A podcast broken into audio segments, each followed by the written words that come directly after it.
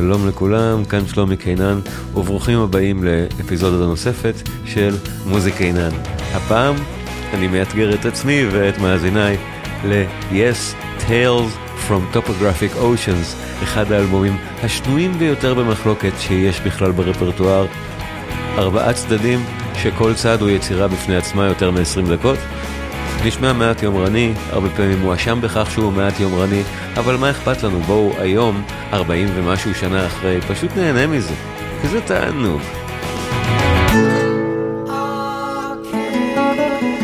עיקר התשדיר של היום יוקדש להאזנה מודרכת לצד הראשון של האלבום, קטע שנקרא The Revealing Science of God. האזנה מודרכת כי הקטע עצמו קשה מאוד להבנה, זה קטע ארוך של כמעט 23 דקות, מאוד מאוד מורכב. אבל בינתיים ברקע, משהו אחר.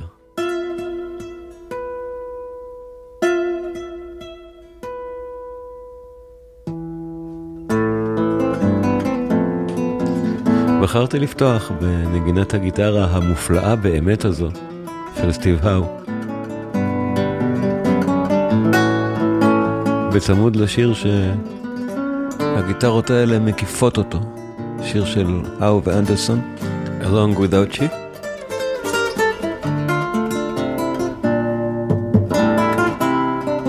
אבל זה בכלל לא שיר. ועדיף היה לדעתי שזה כן היה שיר. כמו שזה מוצג כאן, זה סוף היצירה שמהווה את צידו השלישי של האלבום, יצירה שנקראת The Ancient Giants Under the Sun. אני חושב שזה מסביר הכי טוב את הפן הבעייתי באלבום הזה. אבל זו בעייתיות שמתייחסת רק לקונספט במובן רחב של המילה. כי הקטע הזה כשלעצמו הוא קטע נפלא. אז בואו נהנה.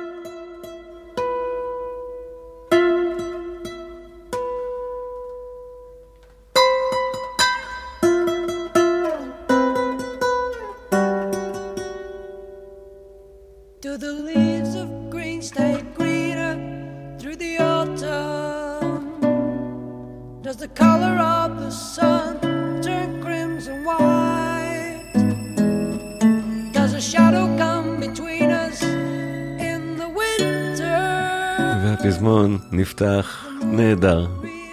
השיר הזה מקסים. And I heard a million voices singing,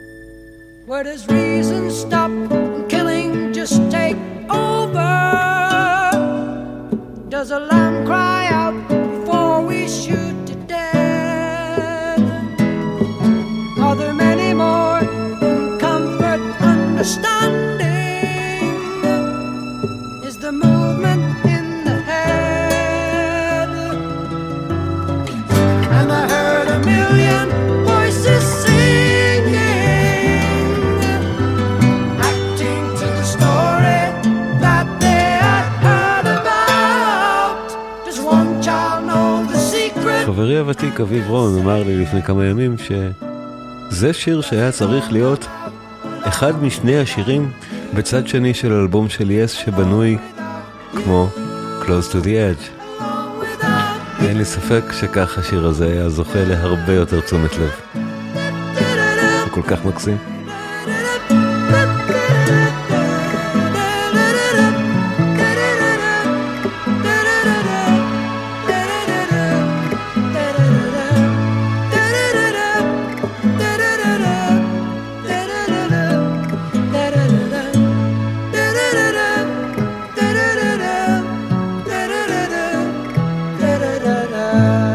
ואחרי שהכל מתרוקן, סטיב האו חוזר במלוא הדרו.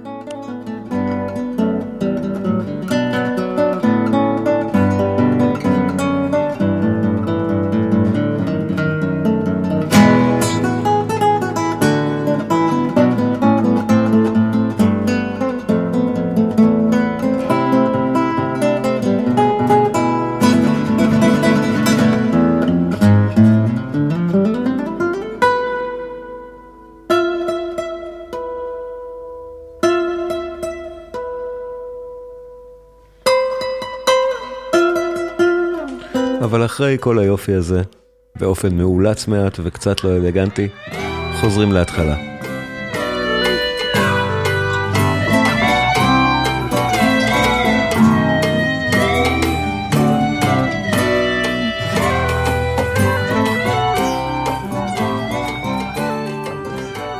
Tales from Topographic Oceans. Here we go.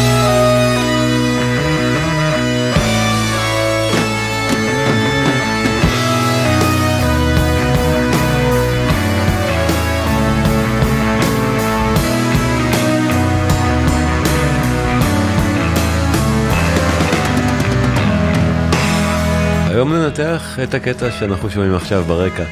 The Revealing Science of God. אין צורך לתרגם את שמות השירים לעברית, מאחר וכנראה שהם לא חשובים. אני אומר כנראה, כי בזמן אמת אף אחד לא טען שהמילים לא חשובות. היום בדיעבד נטען כי המילים אינן חשובות על ידי חברי הלהקה עצמם, בוודאי שעל ידי ג'ון אנדרסון שאומר שמבחינתו הטקסט הוא רק איזשהו אמצעי הבעה מוזיקלי בעצם. אני נוטה לא כל כך להאמין לזה בדיעבד. הסיבה?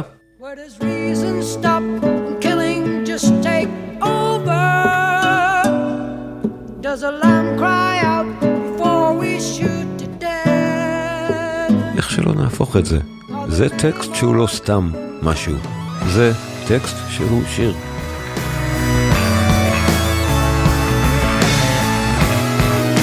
ולכן, אם נרצה ואם לא, אנחנו חייבים לקחת בחשבון שיש כאן טקסט, ויש כאן טקסט שלדעתי הוא מאוד בעייתי. כי הטקסט של הקטע שננתח היום, הוא כשמו כן הוא. The Revealing Science of God High in the Memory. כן, אני אתייחס היום רק למוזיקה.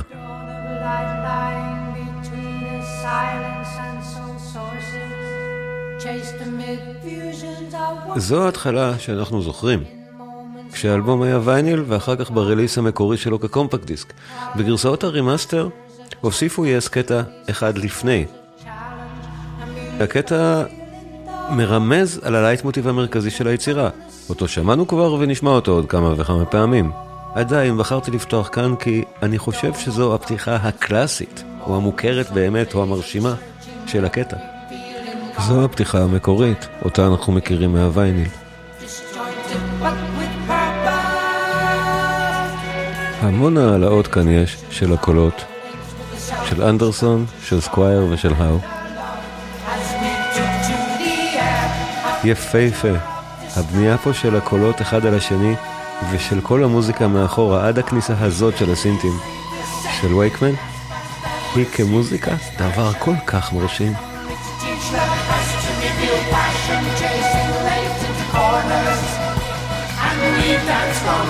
כל זה מתרחש על נקודת עוגב בי בבאס כל הזמן. אני מדגים עכשיו עם הפסנתר.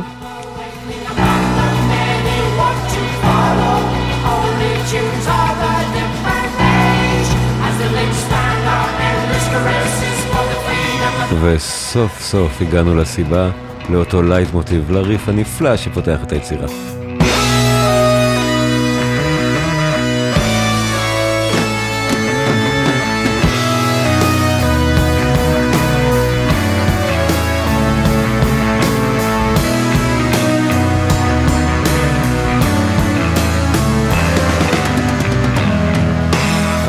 כדי להסביר את עניין הריף, ובאמצעותו את כל מבנה הפרק, או היצירה, בואו נחזור להתחלה.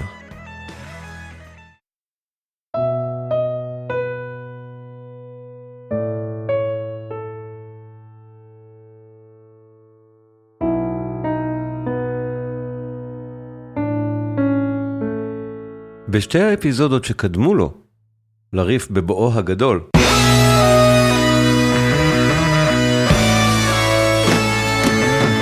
גם באפיזודה של כל הקולות האלה, אחד על השני על השלישי.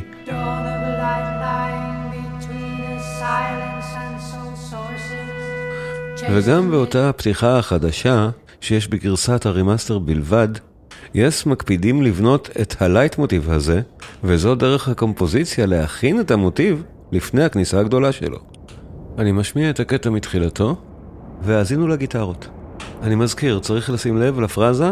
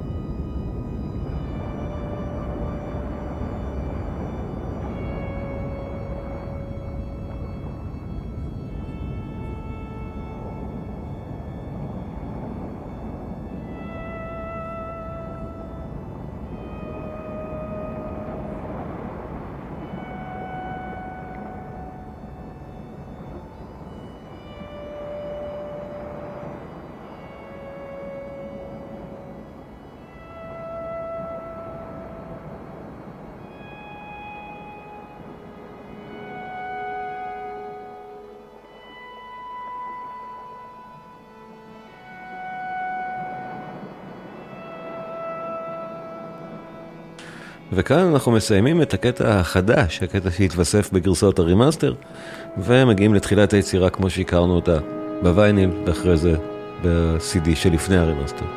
אבל המשמעות של הקטע שבא עכשיו היא זהה, לבסס שוב את אותו המוטיב. שימו לב לגיטרה שמנגנת את המוטיב מעל אותם הקולות.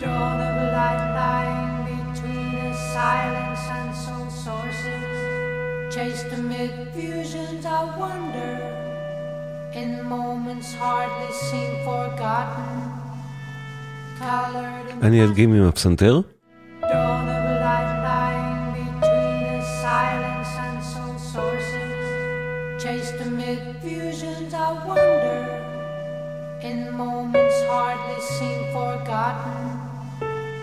Colored in pastures of chance dancing leaves cast spells of challenge, amused but real in thought.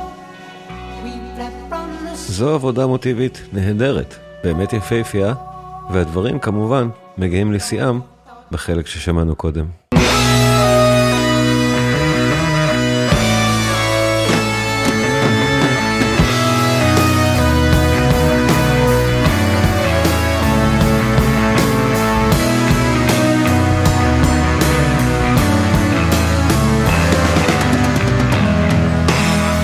הריף הזה הוא הפתיחה האמיתית של הקטע ה... באמת נפלא שהוא הצד הראשון של טיילס. ריף נפלא, זכיר מאוד, אחד מהריפים החזקים של ה-70. הריף הזה מנוגן כאן פעמיים. הפעם הראשונה באקספוזיציה עצמה, בכניסה הגדולה ששמענו עכשיו, ובפעם השנייה, מיד אחרי שנעבור את כל האינטרלוד הקצר הזה על E, ונחזור לנקודת העוגב על B של הריף עצמו. אז זה מגיע תכף באופן מאוד חזק עכשיו בפעם השנייה, ואחר כך לאורך כל היצירה זה עלה את מוטיב המרכזי שמלווה אותה.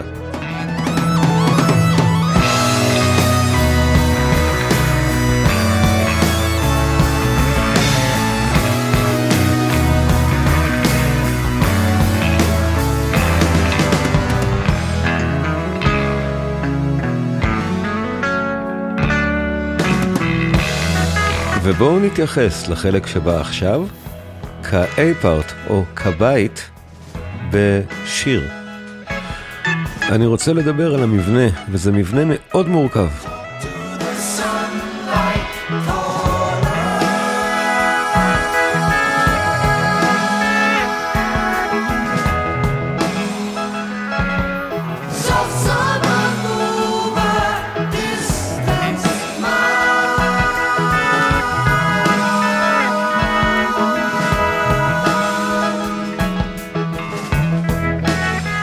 זה היה A-פארט ועכשיו B-פארט. הפזמון.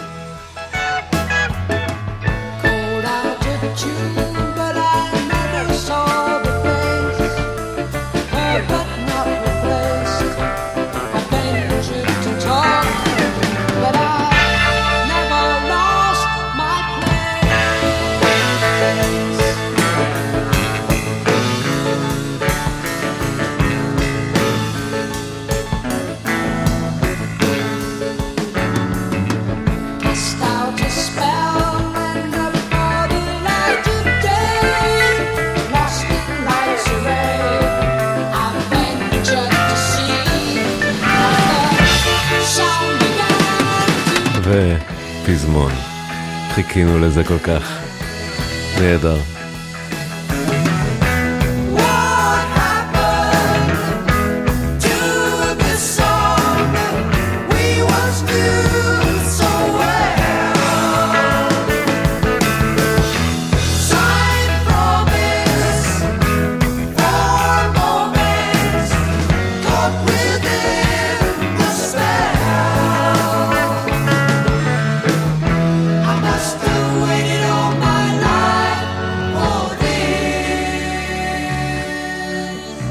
ועכשיו, דמיינו שחזרנו לסוג של A-Tag ללא שירה. אני נגן את מה שהיה מושר פה בפעם הקודמת, שזה היה A, בית.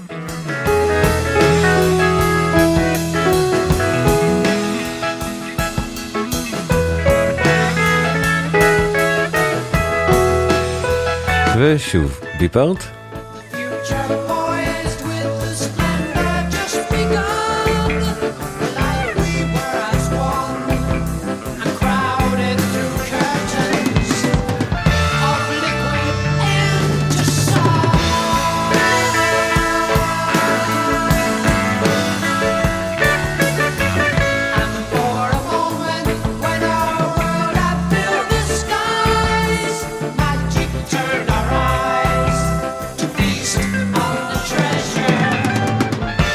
והנה נכנסנו עוד פעם באופן מאוד מספק לפזמון. שוב, לכאורה פזמון, המבנה של הקטע מאוד מעניין, אבל הקטע הזה שאני קורא לו פזמון, זה בדיוק הקטע שבאופן מאוד קתרתי, מלשון קתרזיס, סוגר את היצירה, סוגר את uh, 22 וקצת הדקות של uh, The Revealing Signs of God.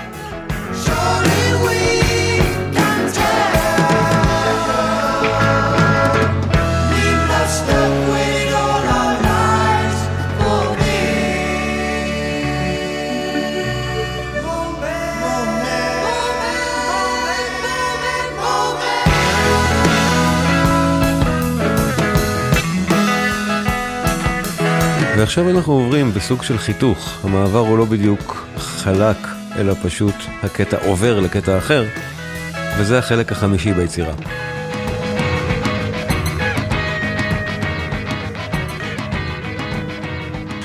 recap מהיר של ארבעת החלקים הקודמים ביצירה.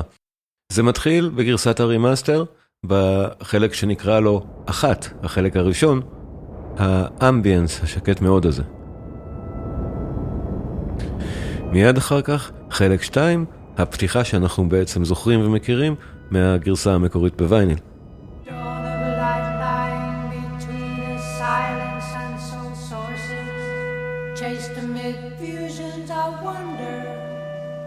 חלק שלישי, קבוצת הנושאים שמכילה בעצם את הלייט מוטיב במלוא הדרו. אם זו הייתה יצירה קלאסית, היינו אומרים זו בעצם קבוצת הנושאים הראשונה.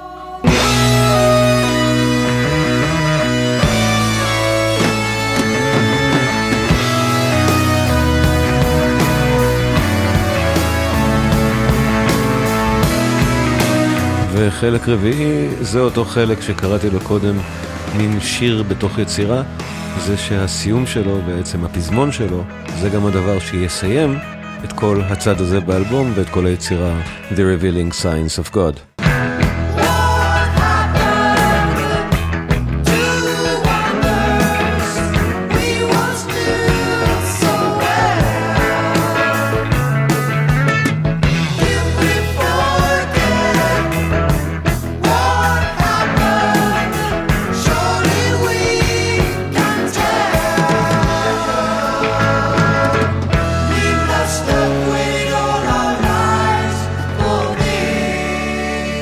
והגיטרות כאן בונות לנו עוד לייט מוטיב נהדר, שיהיה אחד משני הלייט מוטיבים שבעצם מאחים לנו את כל הפרק הזה. אני מדגיש עם הפסנתר.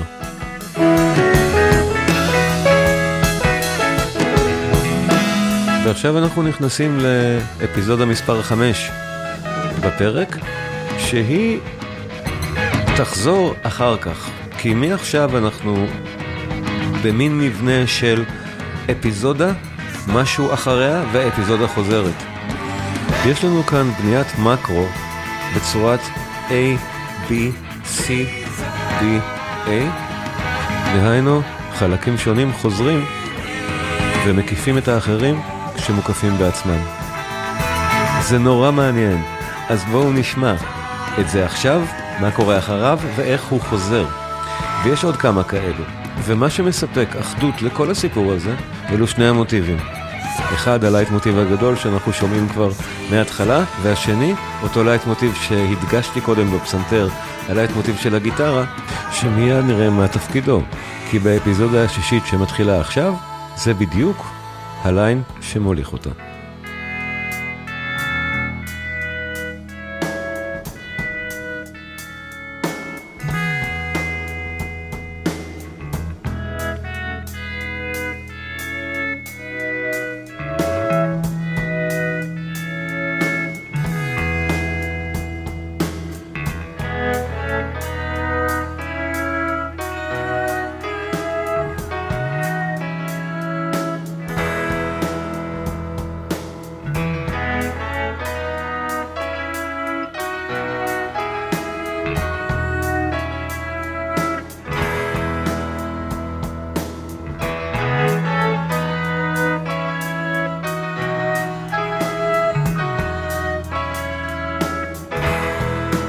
וכשהלהקה מרגישה שהמוטיב הזה באמת מבוסס מספיק, מאזכרים לנו את המוטיב הראשי, שנזכר איפה אנחנו.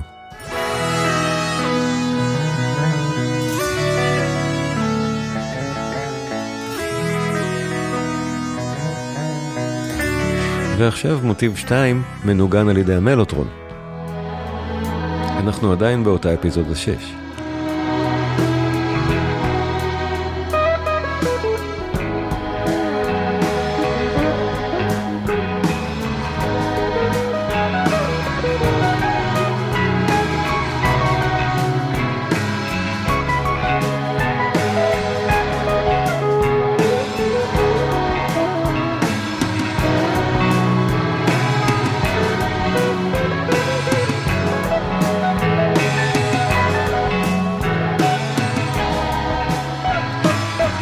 וסוף סוף אנחנו מגיעים, אחרי בנייה הרמונית נהדרת, לאפיזודה 7.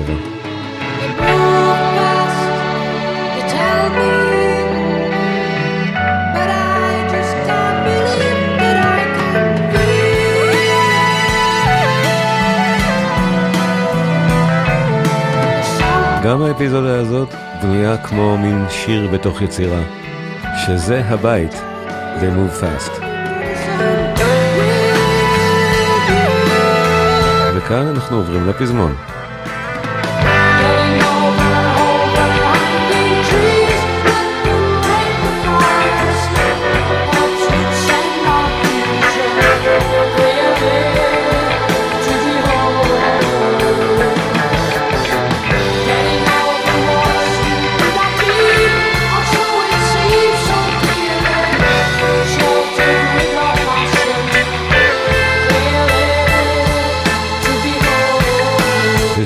הבית.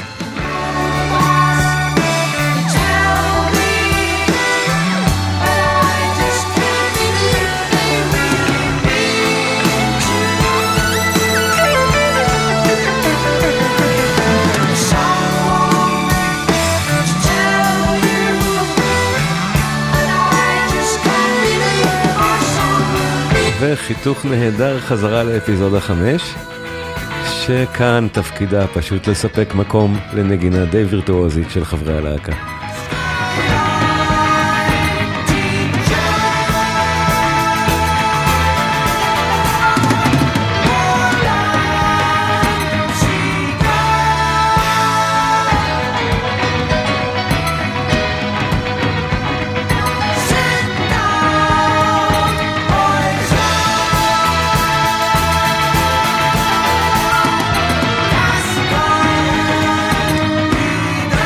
זה כל כך מרשים. ועכשיו נבנה מעבר לאפיזודה 8, שזו אפיזודה שמיועדת לתת מקום לסטיב האו בסולו הכמעט אטונאלי שעתיד לבוא תכף.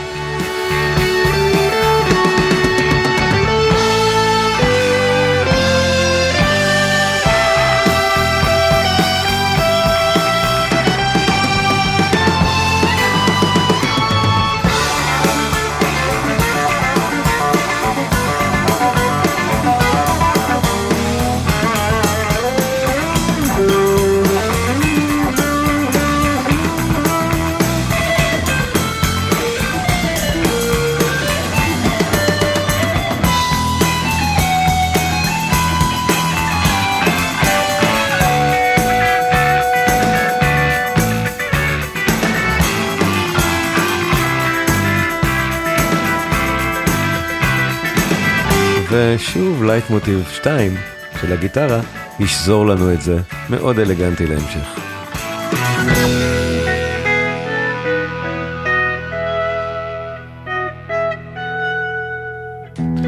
אפיזודה 9 באמת הייתה צריכה הצגה מהסוג המוטיבי הזה, כי היא באמת לא קשורה לשום חומר מוזיקלי ששמענו עד כה. אז אפיזודה 9 מתחילה במבוא הארוך הזה, אינטרלוד של גיטרה ושל בס.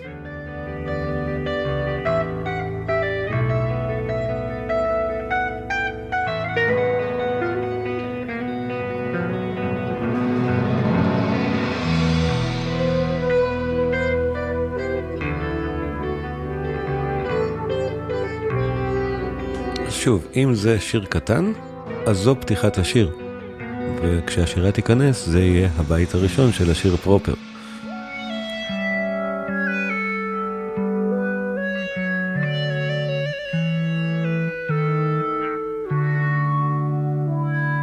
עכשיו.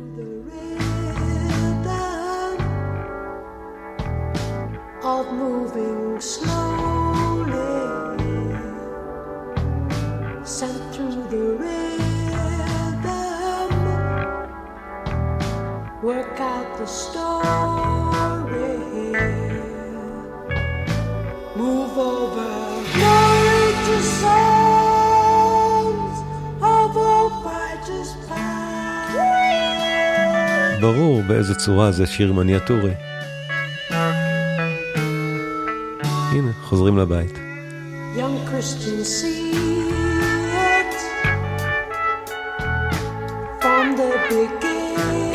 המוטיב השני מלווה פה מאחורה בגיטרות כל הזמן.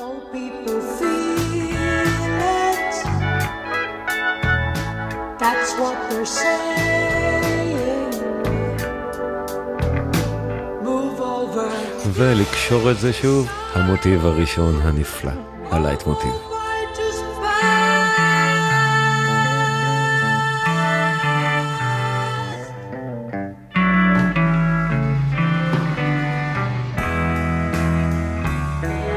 ושוב, מוטיב 2, הלייט מוטיב השני, שהוא בעצם אפיזודה 6 ברפריזה כאן.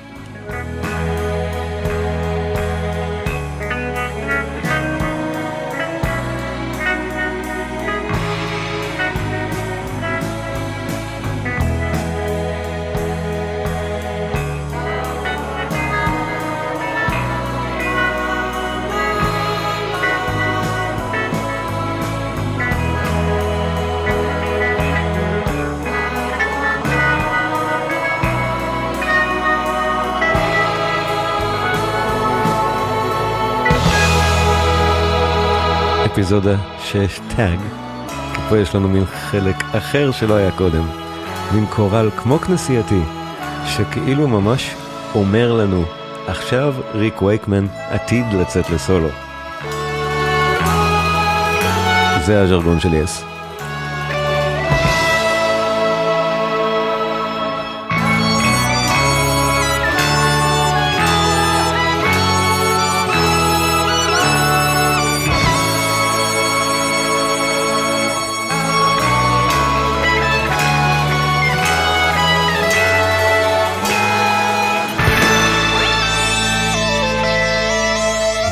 ריק וייקמן אמר כמה הוא לא אוהב את האלבום הזה, הוא גרם לפרידתו מ-yes או מה שלא יהיה, אבל זה חתיכת סולו וייקמן, חבל על הזמן.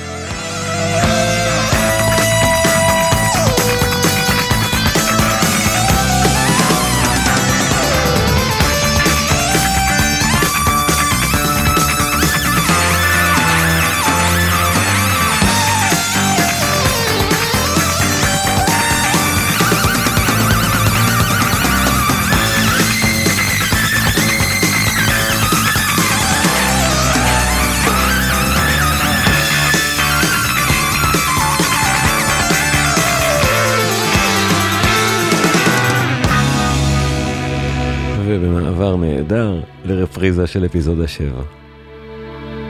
הבית, מתוך הבנייה הקטנה של בית ופזמון שם.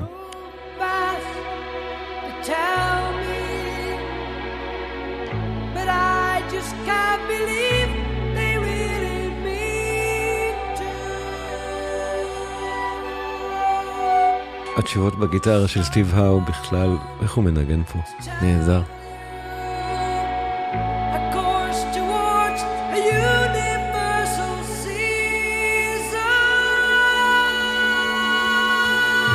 והפזמון הקטן של אותה אפיזודה.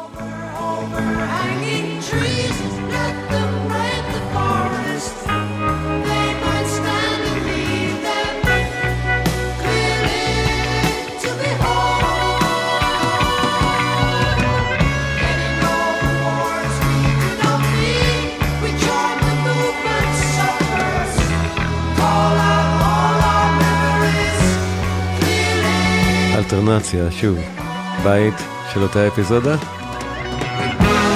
ובבנייה באמת נפלאה שמזכירה את הכניסה לפינלז של המאסטרים הקלאסיים. אנחנו מגיעים כל כך יפה לקטע המצמרר הנורא חזק מאפיזודה 4, הפזמון ההוא, שסוגר פה בקתרזיס מושלם את היצירה.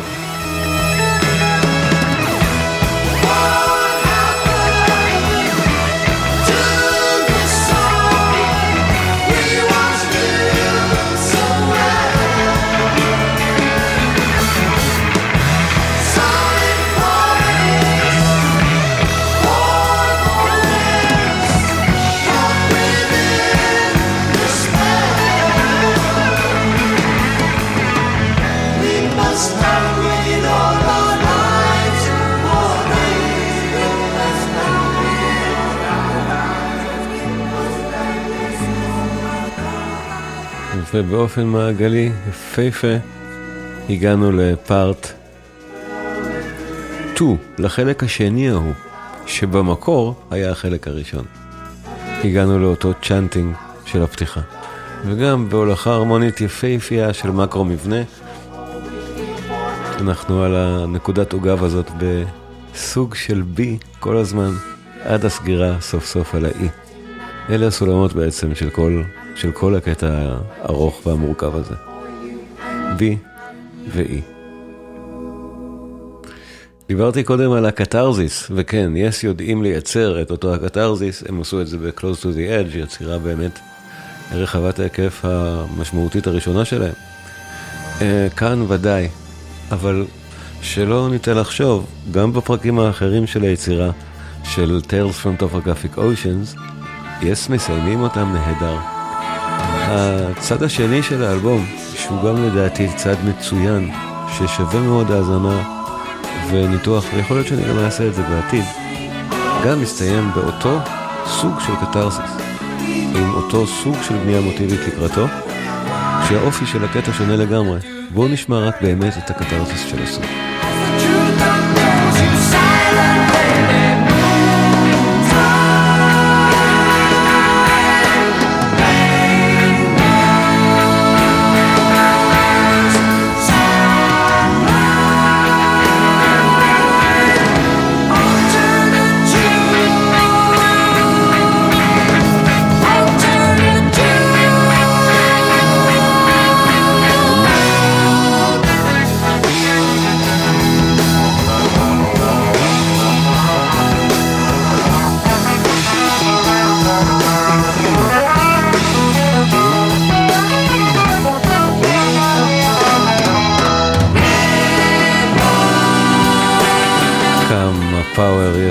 כל כך חזק.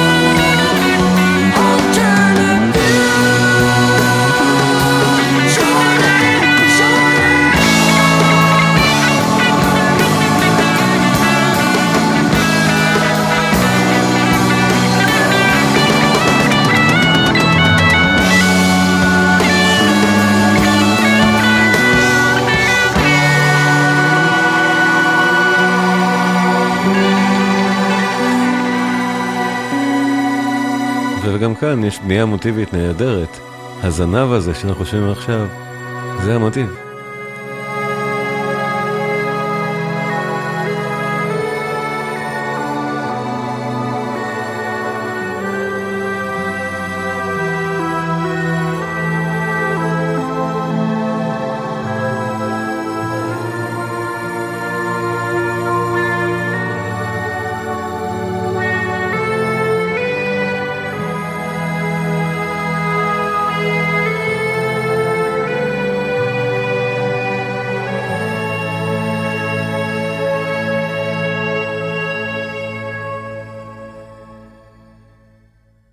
מילים לגבי מושג שהזכרתי קודם, נקודת עוגב. הבנייה של הקטעי C האלה ביצירות הארוכות של יס, מתבססת הרבה על כך שהם משתמשים באורח מאוד רחב במה שנקרא נקודת עוגב, באותו תו בס נמוך שמגדיר את האקורד, מגדיר את ההרמוניה, שהוא אקורד שלא זז לשום מקום. הבס נשאר, כל השאר זזים. זו נקודת עוגב. זו טכניקה שהולכת אחורה באמת ל... אני מניח שההשראה כאן של יס היא בטח, בטח באך. סביר מאוד להניח. בואו נשמע רגע נקודת עוגב של באך, ונבין אחרי זה מה יס עושים כנקודת עוגב, שמסייעת לבנות את אותם השיאים. כשנקודת העוגב כל כך ארוכה ומחזיקה כל כך הרבה זמן, כל תנועה ממנה מרגישה כמו נפתחו השמיים. בואו נשמע בך. המטאוס פסיון, הקורל שמתחיל אותו, נקודת עוגב על מי. אי. מדגים בפסנתר.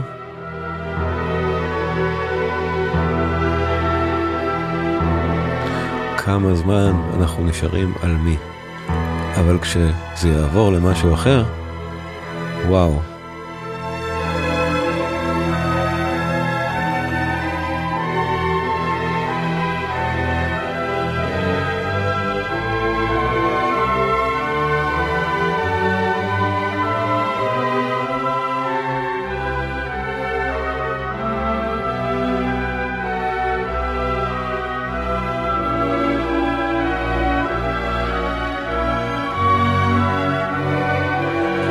זה לא היה מספיק חזק, נקודת עוגב חדשה על B.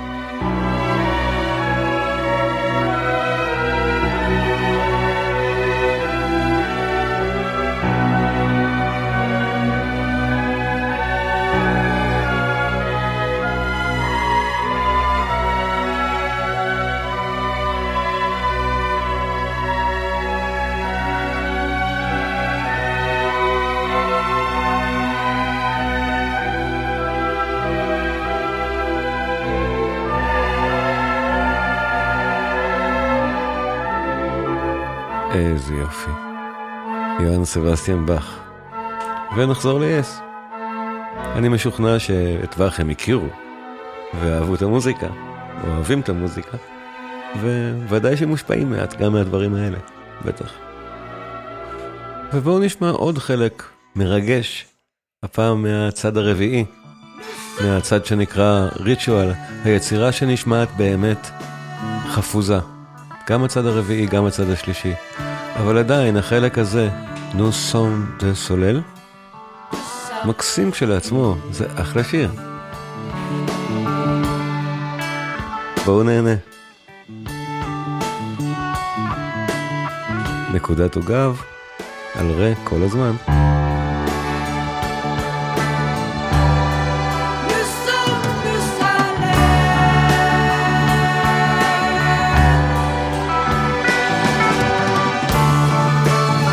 בונים לנו קתרזיס, נקודת עוגב, הבאס נשאר על אותו אקורד כל הזמן.